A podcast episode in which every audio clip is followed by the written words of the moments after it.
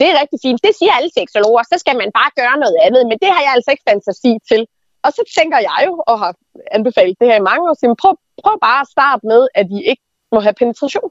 Hvad sker der så egentlig, hvis I ikke må det? Mm. Jeg ved, hvad I så kommer til at gøre der midt i, øh, i ophidselsen. Det kan være sensuel, seksuel massage. Det kan være intim massering øh, eller massage. Det kan være øh, for sensuel og seksuel massage. Det behøves ikke have noget med kønsorganerne at gøre.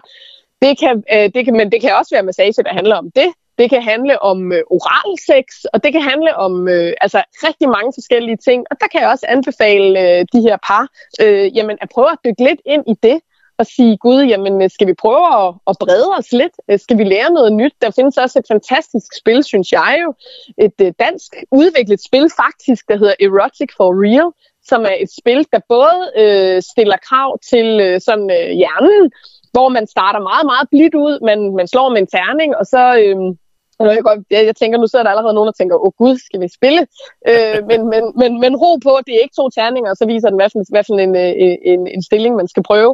Men, øh, hvilket også kan være ganske pusseløjerligt øh, og sjovt. Men, men, men det handler mere om det her med, at man faktisk også lærer hinanden at kende undervejs. De udviklede det her spil, fordi, og det har jeg tror, det har været på markedet i rigtig lang, eller over 10 år, de udviklede det her spil, fordi de faktisk selv manglede et spil, hvor man også tog hånd om følelser, hvor man faktisk lærte hinanden bedre at kende. Det, der er så interessant, det er, at man stiller et spørgsmål, for eksempel inden for følelses- eller parforholdskategorien, men man skal, man skal svare, hvad man tror, ens partner svarer. Og når man så, hvis man så svarer rigtigt, så får man lov til at trække et kort og gøre et eller andet ved sin partner. Og det er i starten af spillet, spillet meget, meget mildt. Og det vil sige, at man starter for eksempel ud med at give sin partner fem kys i nakken. Nu bruger jeg et klassisk eksempel her. Ja. Øh, men efterhånden, som spillet løber af stablen, så bliver udfordringerne lidt større. Og som jeg siger, man kan jo altid beslutte sig for at spille en halv time, og så stoppe, eller sige, øh, den udfordring her bryder jeg mig ikke om, uden nødvendigvis at dele med sin partner, og så bare lægge den nederst i bunken.